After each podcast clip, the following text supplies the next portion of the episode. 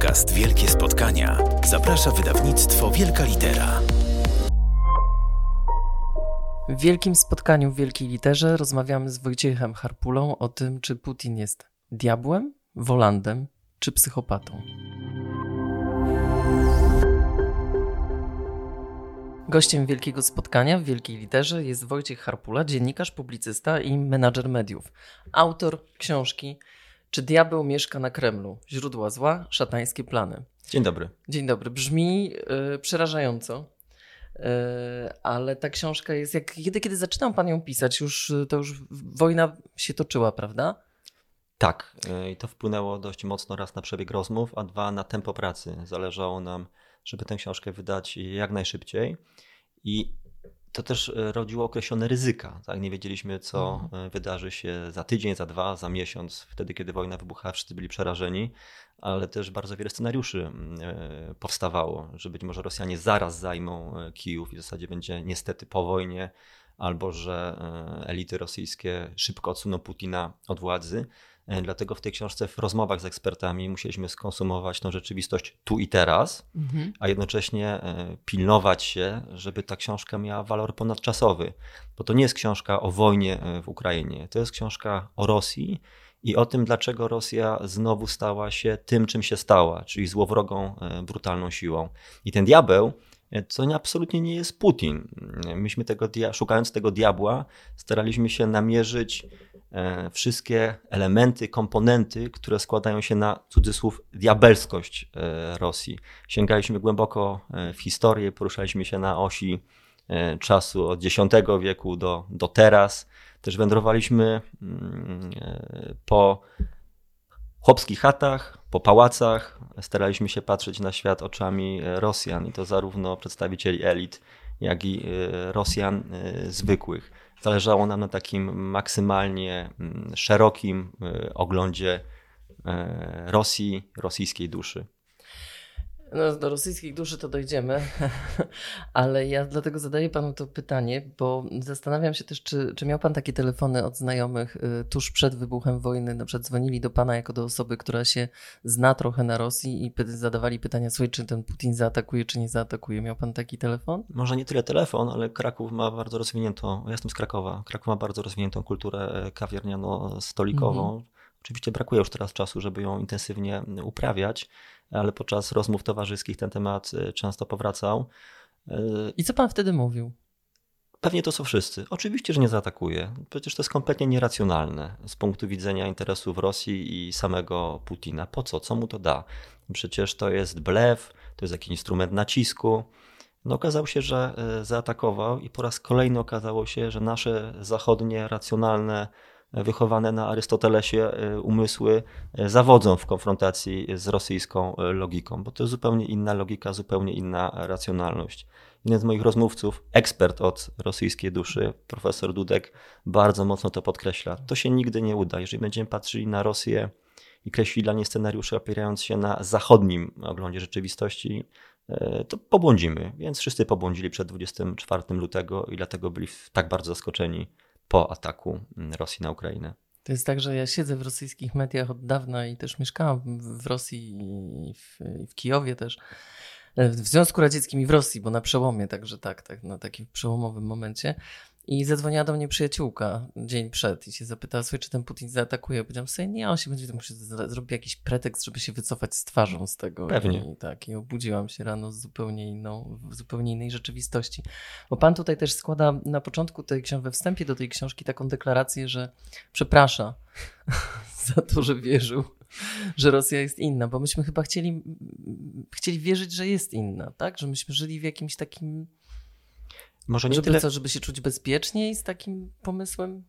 Czy każdy, kto e, trochę poznał Rosję, e, pani poznała pewnie nawet bardziej niż ja, mieszkając tam przez e, dłuższy czas, to w jakiś sposób ulega urokowi tego kraju? Ja nie uległam. Nigdy? Nigdy. Do, ja się zawsze bałam. Ja Ale się... do tego dojdziemy. Ja się zawsze bałam rosyjskiej duszy. Okej, Okej, okay, ja się nie bałem rosyjskiej duszy, mimo że być może dlatego, że ją poznawałem intelektualnie, tak? Y, czytając y, książki rosyjskich autorów i polskich autorów y, o Rosji. A gdy bywałem w Rosji, to zwykle w interiorze. Na Syberii przyroda i ludzie są tak wspaniali, tak szerocy, tak otwarci, i tam człowiek czuje się wrzucony w rzeczywistość tak balsamicznie kojącą dla kogoś, kto się teleportował z Warszawy czy z Krakowa w syberyjską głuszę, że nie myśli o tej złowrogiej, o tych wszystkich złowrogich elementach, które okażą się Rosji bać. E, ja o tym na co dzień e, absolutnie nie myślałem. Pracując też z profesorem Andrzejem Chwalbą nad e, książką Polska, Rosja, Historia obsesji, obsesja historii, której staraliśmy się uchwycić takie elementy w tej tysiącletniej, tak, w tysiącletnim sąsiedztwie Polski, najpierw z Rusią kijowską, a potem z Rosją, takie kluczowe, węzłowe. Myśmy tam starali się teraz to widzę mocno, nieco Rosję racjonalizować. Wyszło nam, że te stosunki mogły się ułożyć nieco inaczej, że było kilka kluczowych węzłowych punktów, w których te mm, relacje Polski i Rosji mogły przybrać inny nieco wymiar niż przybrały w rzeczywistej historii. Mm, I i to był chyba błąd, tak? To był chyba błąd. Y, wszystko, oczywiście te rozmowy są nadal wartościowe, aktualne, cenne poznawczo, ale z Rosją się nie da porozumieć. To jest rzeczywistość, która przekracza rozumienie Europejczyka. Próba układania stosunków politycznych z bytem politycznym, który jest oparty na, e, którego, który jest napędzany takimi dwoma olbrzymimi, mocnymi sprężynami dziejowymi, czyli tym, tym dziedzictwem mongolskim, tym dziedzictwem imperialnym, bizantyjskim, e, wcześniej czy później no, prowadzi do e, prowadzi do nierównomierności w tych stosunkach. Tak? Mhm. Tak? Rosja rozumie tylko język siły, język podporządkowania, język interesów imperialnych. I to się przekłada też na życie codzienne. Dopóki człowiek nie krzyknie, to nie jest szanowany jeśli grzecznie prosi, to znaczy, że nic nie znaczy i nie należy go obsłużyć. Ja już mówię o takim wymiarze podstawowym, ale to, co myślę, że zastanawiam się, co leży u podstaw, bo oczywiście jest to, że, że w Rosji nigdy nie było demokracji, że był car, że była pańszczyzna i tak dalej, i tak dalej. To jakoś tam może ich tłumaczy.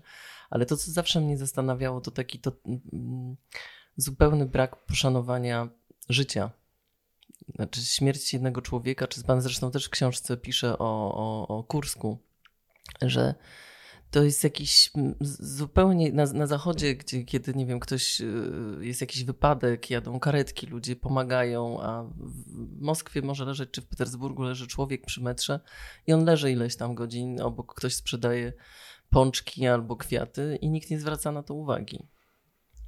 Ale... To, trudno jest, żeby nie, znaczy jakby w tym Widzę w tym taką, takie niebezpieczeństwo, że trudno jest im też szanować, jeśli sami swojego życia tak do końca nie, swoich nie wiem, bliźnich nie szanują, to co im jakaś Ukraina albo. Ale to profesor Dudek, który jest badaczem mentalności rosyjskiej, rozwija bardzo ciekawie e, ten wątek, opowiadając właśnie o duszy e, rosyjskiej. No bo dusza rosyjska to jest pewien konstrukt, tak, opisywany przez. Właśnie, czy to jest wymyślone? Bo on mówi o tym, że to, to jest raczej wymyślone przez Zachód tak? Nawet nie tyle przez Zachód, co przez y, myślicieli czy literatów y, rosyjskich XIX-wiecznych o takiej orientacji, orientacji słowianofilskiej, którzy uważali, że dusza rosyjska czy Rosja, Rosja w ogóle jest czymś zupełnie odmiennym mm, od Zachodu i według tego konstruktu duszy rosyjskiej no Rosjanin to jest maksymalista, to jest człowiek, który daną ideę wyznaje całym sobą, ale jeżeli tylko się pojawi mm, nowa, to błyskawicznie porzuca tą pierwszą i y, tak samo z takim samym zapałem wyznaje tę kolejną ideę i jest gotów dla niej zrobić e, wszystko. Rosjanin jest albo gorący, albo chłodny, nie ma niczego pośredniego. E, I nie szanuje swojego życia, jest gotów dla tej idei się poświęcić. E, złośliwi podkreślali, że jest gotowy także poświęcić dla tej idei życie innych ale ten brak poszanowania życia ludzkiego i taki ten element wspólnotowy no, przewija się w historii i ideach, które tworzyły Rosję od bardzo dawna. My go próbujemy identyfikować, mówiąc my, mam na myśli e, przede wszystkim moich rozmówców, identyfikujemy to z dziedzictwem również mongolskim, tatarskim. Tam e, nie było poszanowania życia e, jednostki. no 250 lat panowania Mongołów, potem nazywanych Tatarami na Rusi, no cisnęło bardzo duże piętno na zachowaniach i elit, i zwykłych Rosjan. No to książęta Rusi no, zostali poddani e, naciskowi na kultury politycznej przeniesionej wprost ze stepu środkowej e, Azji.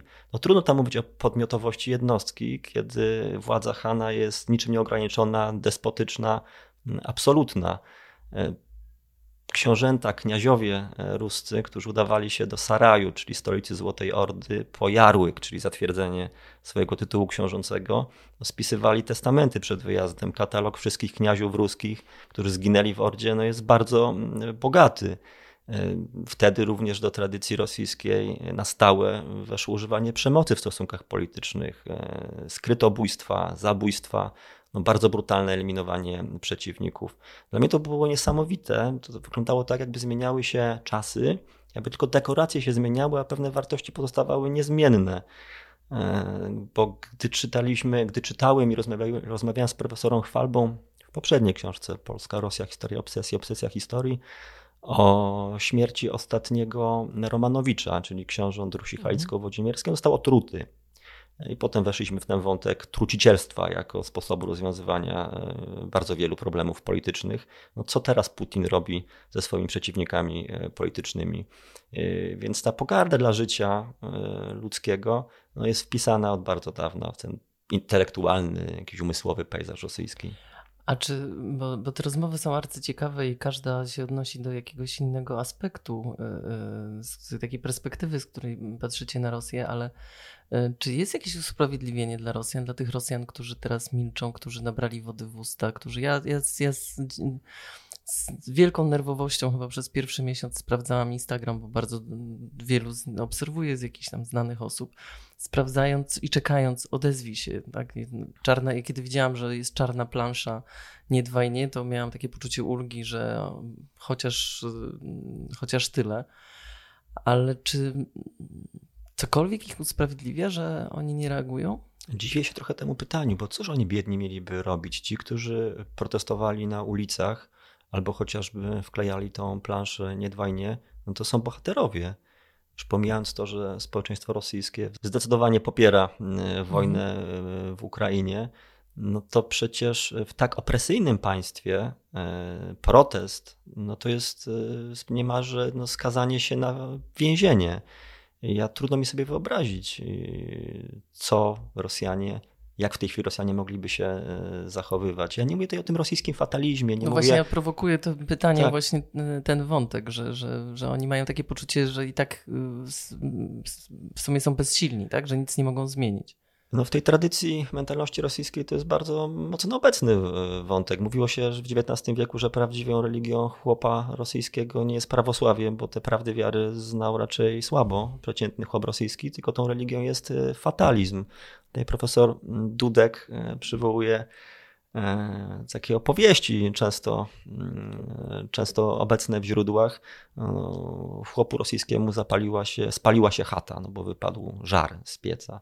No Bóg tak chciał, tak widocznie musiało być.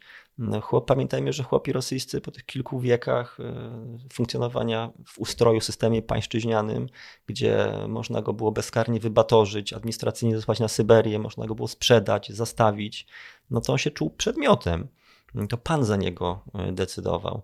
A potem dość szybko zaczęła za człowieka rosyjskiego decydować partia. Więc człowiek rosyjski zawsze miał takie przekonanie, że jest igraszką e, wobec sił natury czy polityki. I wszystkie próby przeciwstawienia się tym nieuchronnym wielkim mechanizmom są tylko stratą energii i czasu. Po co się narażać, po co się wychylać? Będzie co ma być. No taki silny władca zawsze był mile widziany. Oczywiście, to również wracamy i do Bizancjum, i do Tatarów. E, Han musiał być silny. Jedynym w zasadzie jedynym sensem funkcjonowania e, Hanatu, a te wzorce przejęło Wielkie Księstwo Moskiewskie, potem Rosja, jest poszerzanie jego granic. Imperium musi się rozrastać, musi podbijać nowe ziemie, podporządkowywać nowe terytoria. To myślenie funkcjami potęgi, mocy, zasięgu, powiększenia terytorium jest bardzo, było i jest bardzo mocne w myśleniu elit rosyjskich ale Han jest silny dopóty, dopóki się sprawdza, dopóki, jest, dopóki to terytorium poszerza. Jeżeli jest słaby, jeżeli zawodzi, to najczęściej giną. I w historii Rosji również takie przypadki mieliśmy. No, słabi władcy jak Piotr III czy Paweł I ginęli w wyniku pałacowych e, spisków. No dobrze, a jakby przenieść to na dzisiejszą sytuację? No tak pan się zatrzymał, a ja myślałam o tym, co teraz. Tak właśnie myślałem, że, że, że pani o to zapyta, dlatego też zrobiłem mm, kropkę. E, no na razie wszystko je, e, znaki na niebie i na ziemi wskazują, że w jakimś przynajmniej ograniczonym stopniu e, ten aktualny władca się sprawdza. Nie wiemy, jak się zakończy wojna w Ukrainie. Mm, będziemy to na pewno obserwowali, trzymać kciuki i modlić się za, za Ukraińców. E, ale na razie Rosja realizuje swoje, wydawał, tak się przynajmniej wydaje, strategiczne cele, czyli trwałe osłabienie Ukrainy, no i zajęcie e, przynajmniej części e, wschodniej i południowej jej terytorium. Jeżeli ta wojna by się przewlekała, jeżeli by koszty no nie dla Rosji, tylko dla aparatu władzy rosyjskiego tej wojny okazywały się zbyt duże, to być może mogłoby dojść do przewrotu pałacowego. Absolutnie nie wierzę w to, że to Rosjanie się przebudzą, że, że obalą Putina, czy zmiotą ten, ich oburzenie zmiecie ten e, reżim. Reżim skutecznie spacyfikował całą opozycję mm, rosyjską. Ci, którzy się sprzeciwiali Putinowi, albo nie żyją, albo siedzą w więzieniach, albo wyemigrowali. Jeżeli coś może się, do jakichś przetasowań może dojść na szczytach władzy, to tylko w wyniku pałacowego spisku, tylko też E, wierzy pani, że coś by to zmieniło, że trwale zmieniłoby to obraz nie. Rosji? Ja też to nie wierzę. Mentalność jest e, inna. Pamiętam, mm, to już kilkanaście lat temu byłam tam, dawno nie byłam, no ale w Moskwie przed wyborami i zapytałam młodego człowieka, na kogo będzie głosował. Zresztą ten wątek tutaj też jest u pana w książce, że na Putina, co mnie bardzo zdumiało i powiedział, że, że to jest, no właśnie to, to wszystko, o czym pisze pan, że to jest e, silny mężczyzna.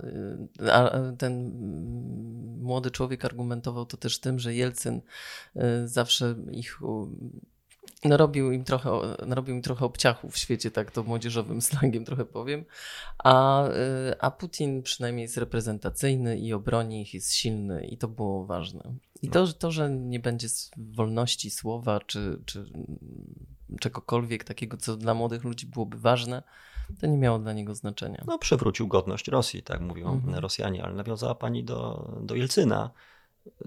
Kojarzy pani, jak wygląda grób Jelcyna na cmentarzu na Wodziewiczym w no Moskwie? Nie, nie. E, no to... tam groby są szczególne, ale nie, nie. E, to jest nagrobek w formie mm, takiej granitowej flagi e, Rosji. I on wygląda, ten jego nagrobek, jakby został przywalony flagą Rosji, przywalony Rosją on jej nie udźwignął.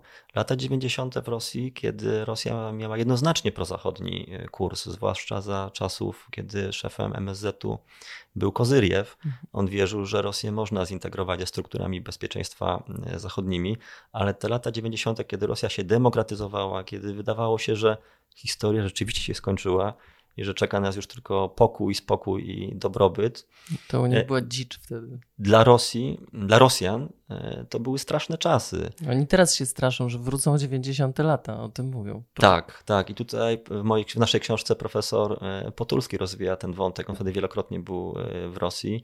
No, bieda, poczucie braku bezpieczeństwa, przestępczość, przestępczość wyrastające oligarchiczne fortuny i Putin a, jeszcze taki, to jest dobre określenie, diermokracja. Rosjanie nazywali tą demokrację diermokracją. Diermo to gówno, czyli gównokracja. I oni nie potrzebowali tej wolności i tego, że mogą, pewnie potrzebowali, ale ważniejsze dla nich było poczucie bezpieczeństwa i stabilność.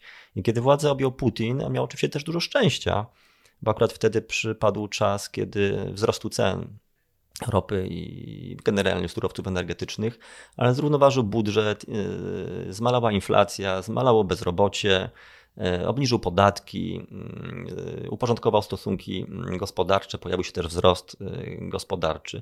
No Rosjanie odetchnęli.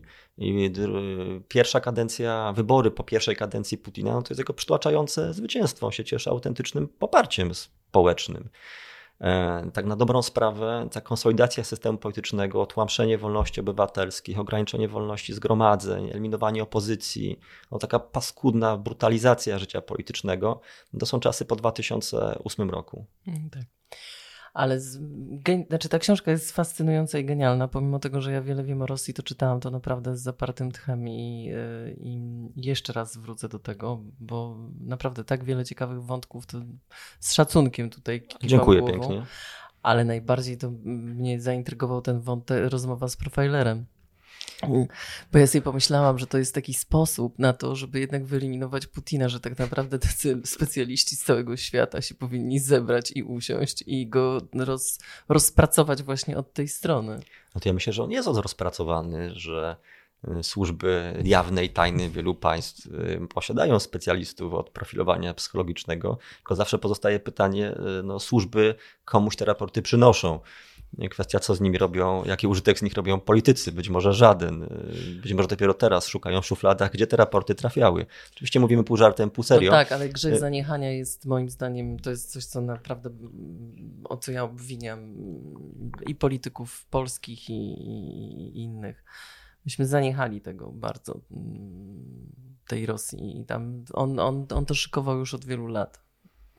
Mam, mam wątpliwość, czy szykował tak? to od wielu lat, bo są publicyści, którzy twierdzą, że w zasadzie od momentu przejęcia władzy Putin szykował tą imperialną rekonkwistę.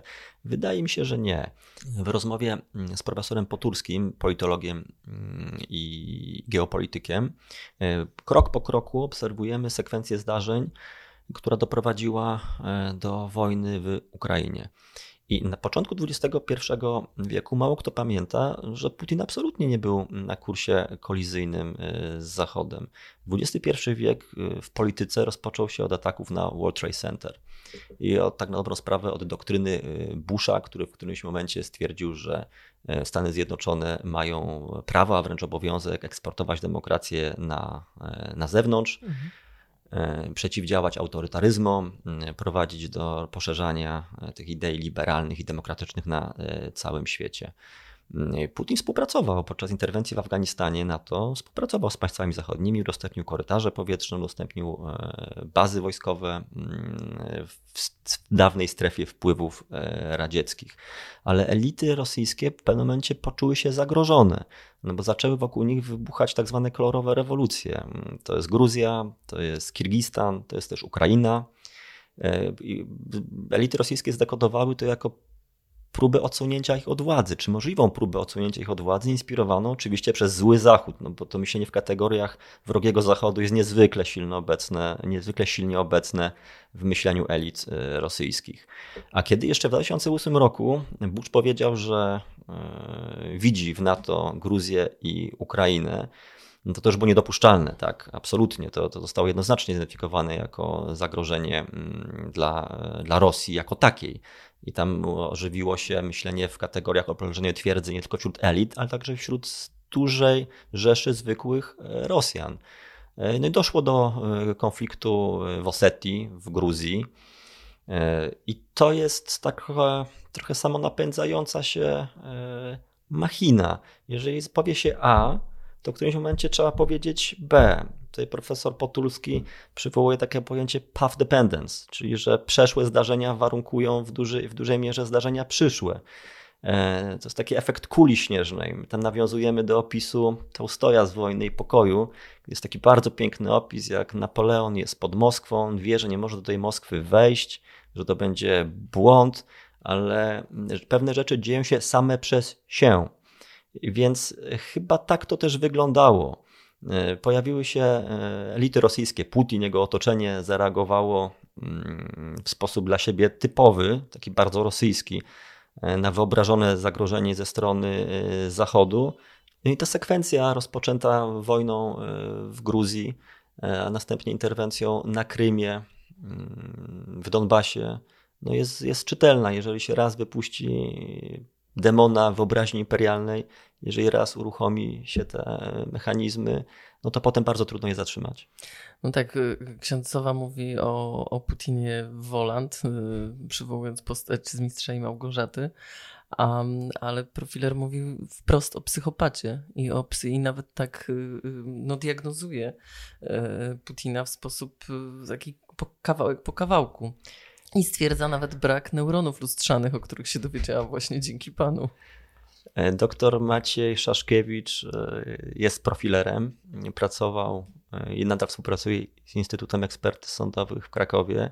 No i on przez lata swojej działalności zawodowej ze strzępków informacji, ze strzępków wiedzy e, starał się złożyć, nakreślić portret, sylwetkę psychologiczną potencjalnego e, sprawcy.